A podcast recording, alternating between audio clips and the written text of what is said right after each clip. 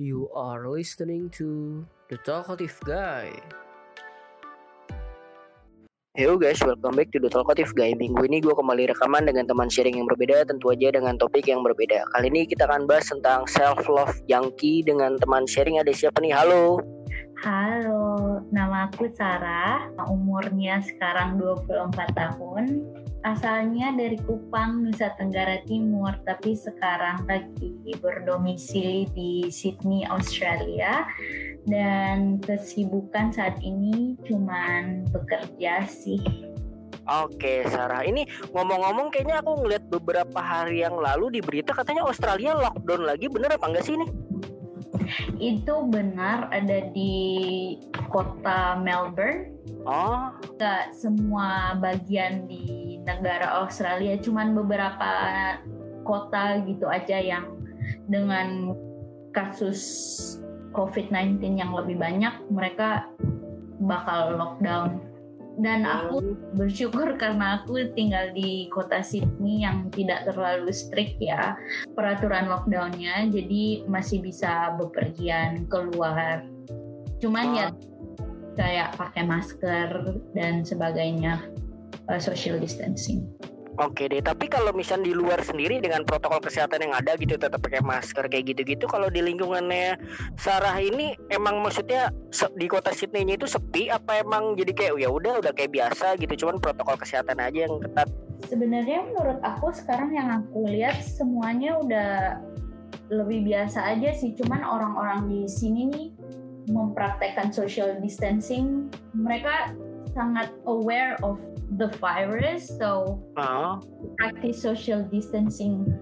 Kayak di Indonesia sih menurut aku kayak nah, orang bener-bener yang beneran jaga jarak gitu.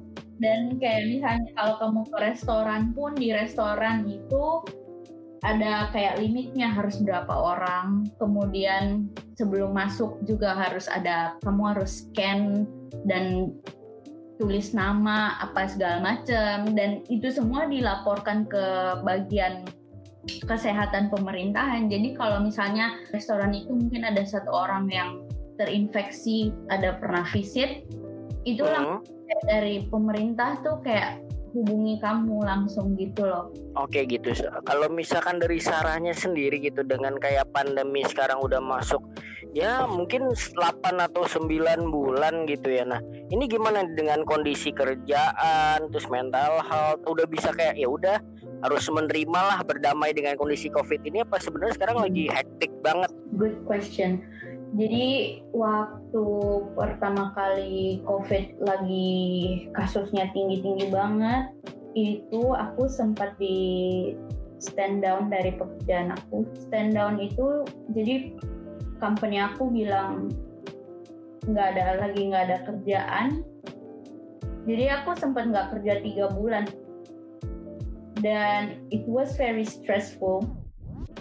But dalam masa itu aku melihatnya sebagai masa pembelajaran ya jadi karena aku nggak ada kerjaan itu aku lebih kayak punya banyak waktu jadi aku mulai invest nih kayak pengembangan diri ikut course-course pengembangan diri kemudian juga sambil mencari kerja sampingan yang akhirnya memang setelah satu bulan aku berhasil dapat kayak kerja sampingan gitu.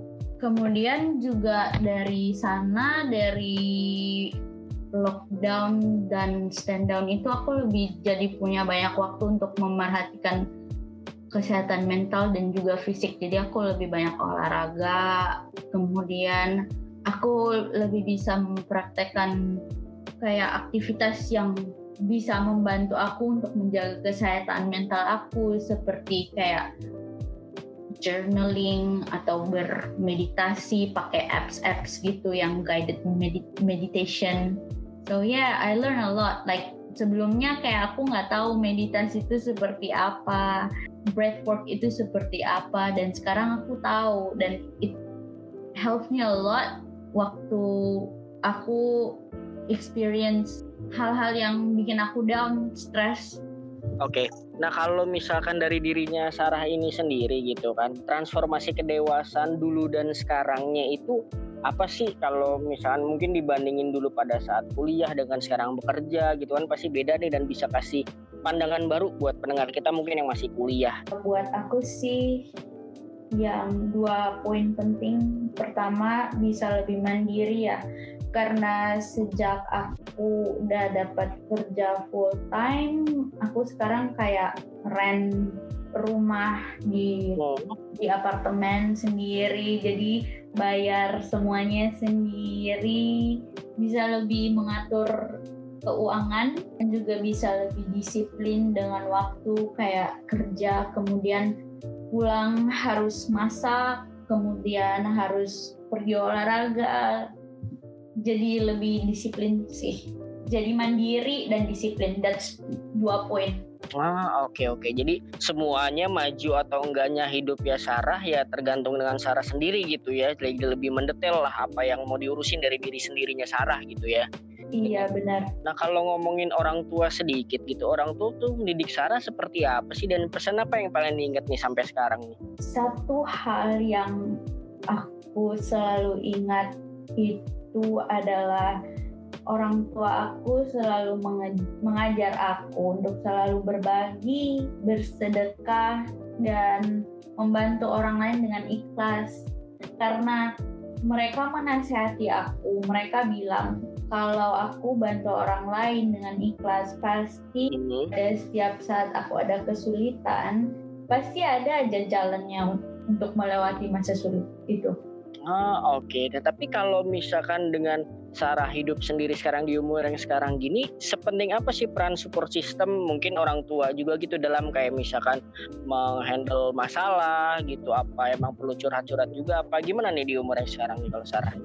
support system itu sangat penting bagi setiap orang karena orang-orang yang ada dalam support system kita itu yang akan membantu kita untuk menghandle semua situasi stres atau masalah-masalah yang ada di dalam hidup. Contohnya seperti aku punya satu teman dekat yang di mana kalau misalnya aku merasa down, aku merasa malas untuk olahraga, aku pasti kayak selalu chat atau SMS dia kayak aduh lagi males nih. Kita udah berkomitmen untuk keep each other accountable. Jadi kita akan kayak ayo kita harus olahraga gini-gini biar supaya kita tuh sehat, biar kita tuh badannya bagus. Ya kayak gitulah uh, contoh kecilnya. Kemudian kalau yang lainnya itu misalnya sekarang aku punya life coach. Dia itu mensupport aku secara intelektual dan emosional. Jadi dia mengajarkan aku gimana kalau misalnya aku lagi down, aku harus berbicara kepada diri aku sendiri dengan positif supaya kalau misalnya aku berbicara kepada diriku sendiri itu dengan positif, then I will do positive things. Kalau misalnya aku lagi sedih atau aku lagi down, terus aku kayak bersedih-sedih terus, I'm not gonna get out of that situation. Oh oke. Okay. Nah ngomongin yang tadi soal life coach itu emang ya secara profesional pekerjaannya gitu ya untuk membantu kita kita ini atau kayak gimana sih mungkin ada yang belum tahu yang life coach itu maksudnya gimana cara? Jadi life coach itu sebenarnya untuk personal ya, bukan untuk kerjaan atau apa. But aku waktu kemarin itu decide memilih untuk mengikuti course life coaching bersama coach aku karena aku merasa something is missing from from my life aku pengen cari tahu purpose dalam hidupku tuh apa, misi dan visinya dalam hidup aku tuh apa. Dan setelah ikut course itu, aku tahu, aku tahu purpose dalam hidupku itu adalah mencintai diri aku. Oke. Okay. Dan dari course itu dia mengajarkan banyak hal deh yang yang bisa aku lakukan supaya aku bisa terus hidup dengan nilai-nilai yang aku sudah pikirkan untuk mencapai visi misi dan goal hidup aku. Hmm, oke okay, gitu-gitu. Nah, ini, sebelum kita bahas self love lebih jauh gitu, aku pengen tahu dulu nih, setiap orang kan pasti punya insecurity-nya masing-masing gitu. Hmm. Kalau Sarah insecure soal apa sih di umur yang sekarang? Di umur yang sekarang sih aku sekarang lagi insecure pekerjaan dan karir. Kayak aku merasa sekarang pekerjaannya I'm comfortable with it, but I don't know if this is what I want to do for the long run. Oke. Okay. Tapi aku sekarang masih kayak bawa itu dengan enjoy aja sih karena dalam pekerjaan yang sekarang aku bisa masih bisa belajar skill-skill seperti kayak leadership skill ataupun kayak management skill dan um, menurut aku pasti nanti di ke depannya aku bakal find better way to overcome this insecurity. So ya, yeah, even though aku lagi insecure tentang pekerjaan dan karir aku sekarang, something will be there for me. Like pasti ada aja yang uh, the universe will tell me like what's next for me. Jadi walaupun lagi insecure tapi enjoying enjoy aja sih sekarang oke dan percaya prosesnya gitu ya. Dalam iya. hidup pasti ada masa-masanya gitu. Kita iya. ngalamin insecure kita ngalamin down atau up gitu. Nah ini pas banget nih aku juga pengen nanya. Ceritain dong satu momen upnya Sarah pas kapan dan apa gitu. Nggak usah terlalu detail nggak apa-apa. Dan satu momen downnya itu pas kapan dan apa gitu. Mungkin momen up aku waktu aku pertama kali mendapatkan pekerjaan di bidang yang aku passionate di bagian finance ya. Jadi waktu aku lulus kuliah, very lucky that within around tiga bulan aku diterima di salah satu um, accounting firm dan bekerja di sana. Lalu yang momen daunnya apa nih? Momen daunnya aku tuh, aku selalu ingat ada satu momen di mana aku punya toxic relationship dengan satu teman. Hmm.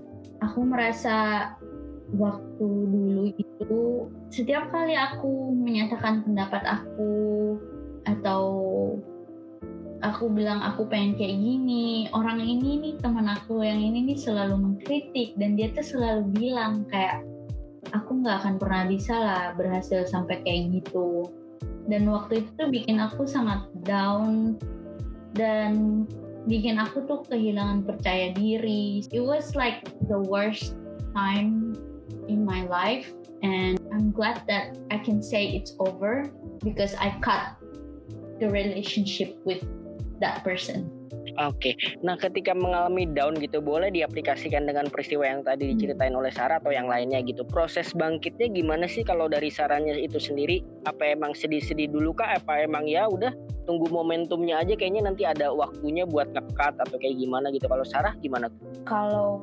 kita lagi experience something stressful atau moment down gitu, pastilah kita ada rasa sedih ya, and that's fine, yes. normal cuman um, satu hal yang aku selalu ingat itu boleh bersedih tapi jangan lama-lama. Dan carilah hal-hal atau aktivitas apa yang bisa bikin kita shift dari masa-masa itu. Misalnya yang tadi aku bilang mungkin apakah itu saatnya kita untuk berefleksi apakah kita harus menjauh dari orang ini. Dan carilah orang-orang lain yang bikin kamu tuh confident, percaya diri, yang support kamu.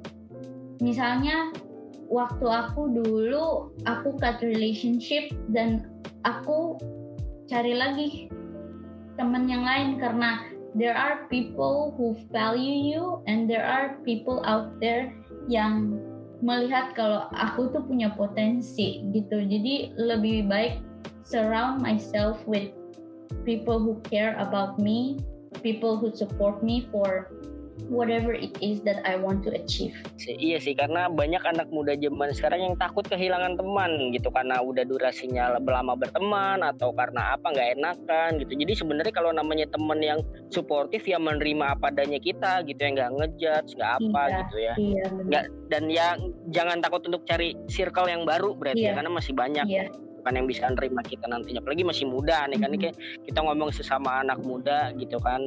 Nah terus kalau ngomongin masalah self love nih sebelum ke pertanyaan yang self love yang seven day self care challenge itu gitu aku pengen nanya sebenarnya kalau menurut Sarah sendiri self love itu emang tumbuh bersamaan dengan kedewasaan umur kita atau sebenarnya bisa diasah atau gimana sih? Kan nggak mungkin tiba-tiba muncul oh jadi sayang diri sendiri ini gitu. Apa gimana? Good question. Menurut aku itu self love dari pengalaman aku tumbuh untuk aku kejar ada tumbuh rasa pengen mengejar self love itu karena aku ada pengalaman buruk ya. Misalnya karena zaman sekarang nih Instagram nih bikin insecure apa segala macam. Aku mengalami hal itu. Jadi aku take myself back and then sit down and then just think and reflect like kenapa aku tuh bisa sampai kayak insecure?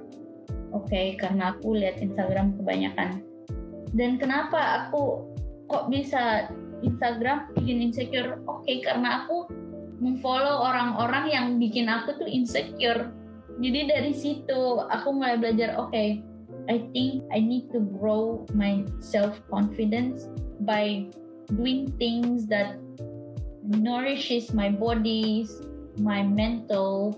Dari situ aku mulai approach kayak orang-orang yang menurut aku sangat passionate di bagian like self worth, self care aku mulai ke teman-teman yang kayak bisa menjadi tempat curhat dan support aku. So maybe we can say self love tumbuh dari pengalaman buruk sih. I don't know, like that's how I think. Oke, itu dari pengalaman Sarah berarti tumbuh dari pengalaman yang tidak mengenakan dan mungkin momentum setiap orang untuk bisa self love beda-beda ya Sarah ya tergantung iya. ada momennya, ada pengalamannya gitu gitu. Biar ya itu berarti bagian dari proses kedewasaan juga ya Sarah ya. Maksudnya kita bisa lebih kadarnya untuk menyintai diri kita sendiri daripada umur-umur sebelumnya gitu yang Sarah alami kayak gitu ya berarti ya. Iya benar. Oke, nah biasanya kalau self love itu identik dengan mental health gitu. Nah, sepenting hmm. apa sih mental health buat anak muda sekarang menurut Sarah? Kesehatan mental itu sangat penting sekarang karena mental itu termasuk masalah kejiwaan, bagaimana kita berpikir dan berperilaku. Jadi dengan adanya banyak trigger dari luar yang mengafek mental health kita seperti stress, insecurities, dan anxiety, kita harus tahu apa praktek-praktek apa yang kita bisa lakukan untuk menghandle stress, menghandle insecurity, menghandle anxiety gitu. Oh, Oke, okay. berarti emang penting juga untuk know your limit gitu ya. Misalkan yang buat insecure, yang buat stres sosial media ya tahu nih batasan main sosial medianya kayak gimana gitu dari diri kita gitu ya. Iya. Biar nggak biar nggak kepengaruh ke mental health gitu. Nah, ini ngomongin soal self love lagi gitu.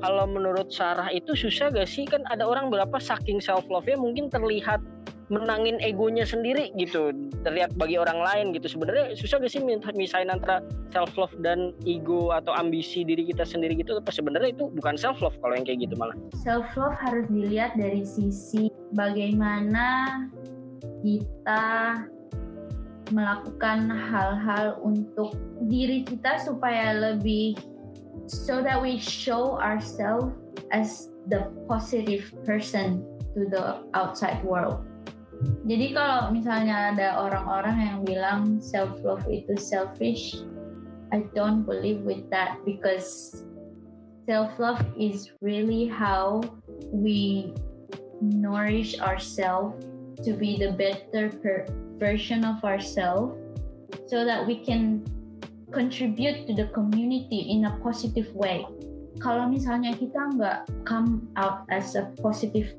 version of ourselves, gimana kita bisa mengontribusi ke community gitu. Kalau misalnya aku, aku mau yang kayak aduh mau yang stress-stress aja nih, aku mau yang kayak insecure aja nih, gimana aku bisa kayak berkontribusi ke untuk memajukan kayak anak muda gitu. Oh oke okay, oke okay. berarti emang harus menghilangkan beban-beban dalam diri dulu ya baru bisa disebut self love gitu ya untuk kayak misalkan nih kalau masih ada insecure masih ada takut ya belum sepenuhnya bisa self love diri kita sendiri gitu ya Sarah berarti kuncinya ya. Iya jadi kayak kalau orang bilang self love itu selfish itu nggak benar karena self love itu sangat penting Self love itu adalah salah satu praktek yang harus kita lakukan untuk menjaga kesehatan mental kita. Hmm, oke. Okay. Dan yang tahu kayaknya kadar ini selfish apa enggak ya cuman diri kita sendiri kali ya. Kalau misalnya orang nilai selfish itu ya bisa disebut, bisa disebut ya subjektifnya dia gitu ya, bukan iya. menurut kita gitu kan. Iya benar. Dan kita juga seharusnya nggak boleh dengar dengan judgement orang lain karena kalau misalnya kalau kita dengar judgement orang kita tuh akan ya kembali insecure lagi, akan kembali bersedih-sedih lagi. Oke oke benar benar benar. Nah ini aku ngeliat di IG story-nya Sarah gitu waktu itu lagi ada nerapin seven day self care challenge tuh maksudnya apa sih dan ngapain aja tuh Sarah? Oke, okay, so waktu itu aku ikut seven days challenge self care ya. Di situ aku dalam tujuh hari itu ada mengikuti seperti seminar di Zoom dan di diceritain dalam proses self care itu ada tujuh dimensi yang penting yang harus kita lihat yang harus kita praktekkan untuk meningkatkan rasa percaya diri lah gitu.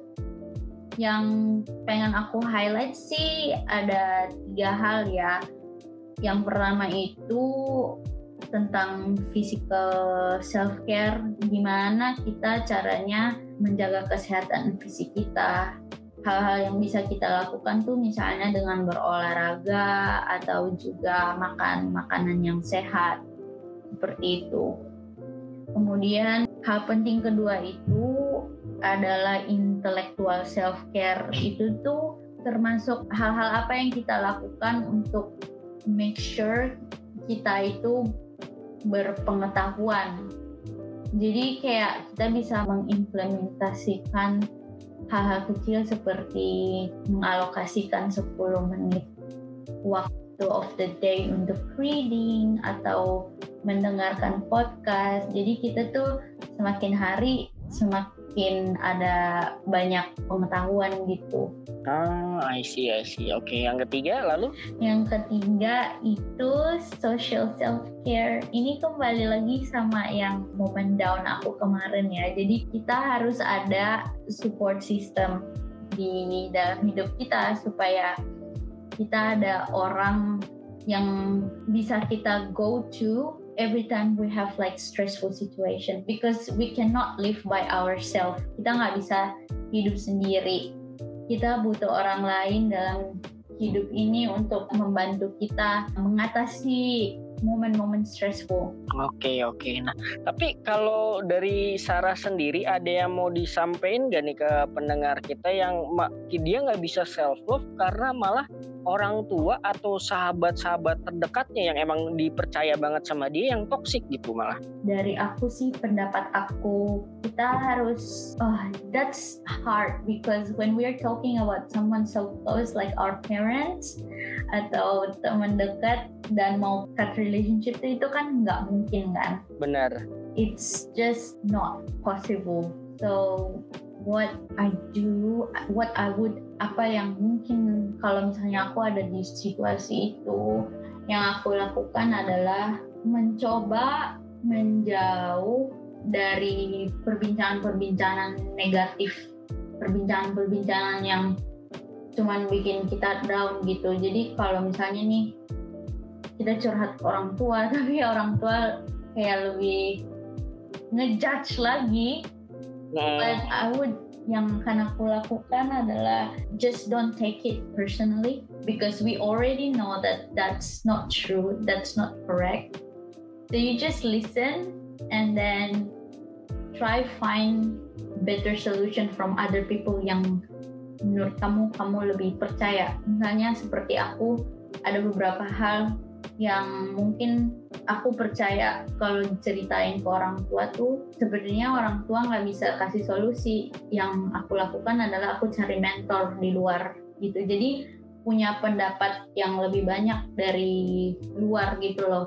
Jadi Ah, Oke. we don't have to cut down the relationship if it's hard Oke, berarti berdamai dengan keadaan dulu kali ya. Maksudnya ya udah kalau namanya inner circle kan kita nggak bisa nolak dan kita nggak bisa milih juga nih mau yang kayak gimana gitu kan. Jadi berdamai dengan kondisi itu, terus lalu cari emang sumber atau emang circle lain yang bisa suportif dengan kita dan balik-balik lagi intinya ya hidup kita diri kita sendiri yang nentuin gitu ya walaupun ada orang tua Iya. ada kayak gimana gitu ya. iya benar Gitu ya Sarah iya ya? benar Oke, karena emang aku maksudnya mengalami dan emang mendengar cerita dari yang teman-teman aku yang masih muda juga emang yang paling susah di antara yang tadi self love itu ya emang sosialnya itu iya yang susah untuk menghindari antara social judgment dengan emang kita pengen self love nih dengan diri kita sendiri makanya kayak insight-nya dari Sarah menarik banget oke nah kalau ngomongin Instagram sendiri gitu selain tadi ada pengaruh mungkin sekali negatifnya sebenarnya Sarah tuh lebih gunain Instagram buat apa sih dan ada pengaruh positif negatif lain nggak ke hidupnya Sarah?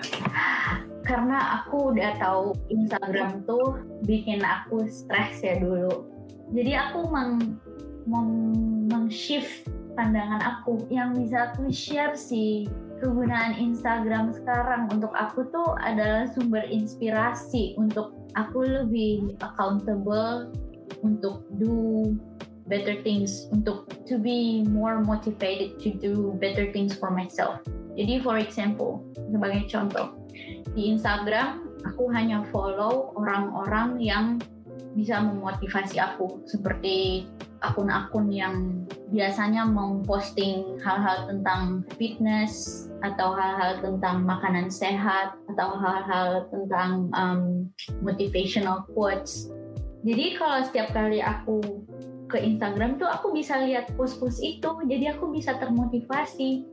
If you need unfollow people yang hanya bikin kamu insecure, then do it. That's how I see it now. Oh oke menarik menarik berarti emang menciptakan Instagram itu sebagai yang iklim positif aja gitu yang Hmm. dilihat yang positif positifnya Iya. aja gitu emang sebisa mungkin menghindari di situnya ya biar emang ya kadang-kadang kan kita kan ngeliat sosial media cuma 5 sampai 10 menit tapi kepikirannya itu loh Iya. yang setelah itunya itu baru kadang-kadang pas lagi kosong wah kepikiran tadi di sosmed lihat ini lihat itu jadi emang bener-bener ciptain lingkungannya dulu nih Iya. yang positif Uh, dan aku juga ada pesan sih, ini salah satu trik yang aku praktekkan untuk keep social boundaries supaya kita we make sure that we take care of ourselves. Itu kalau sebelum kita mau masuk ke Instagram nih, cobalah tanya kepada diri kita sendiri.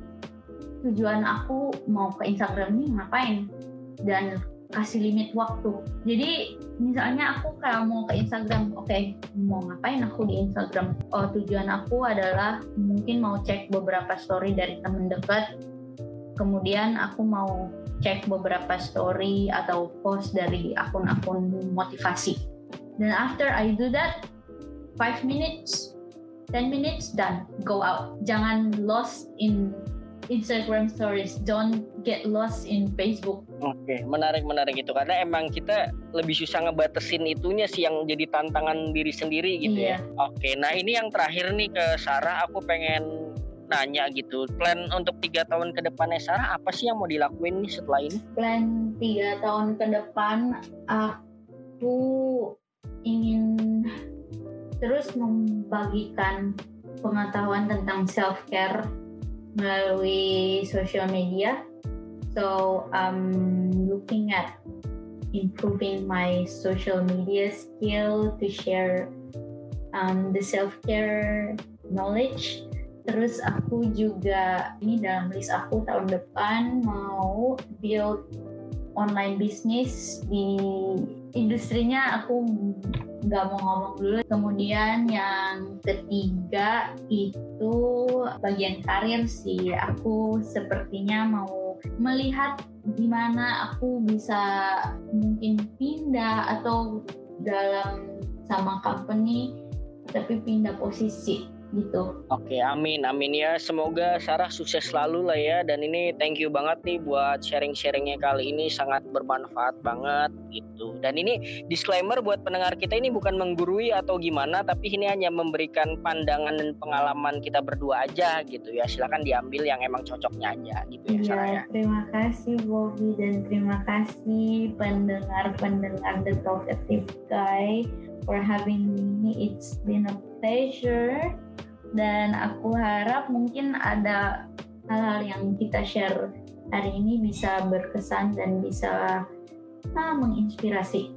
Oke, amin, amin. Nah, semoga nanti kita bisa collab di konten-konten positif lainnya ya, Sarah ya. Karena kan kita pengen berkoneksi, nggak berhenti di sini juga. Yes, gitu of kan. course. Oke, thank you guys yang udah dengerin episode kali ini. Sampai ketemu minggu depan. Bye-bye. Hmm.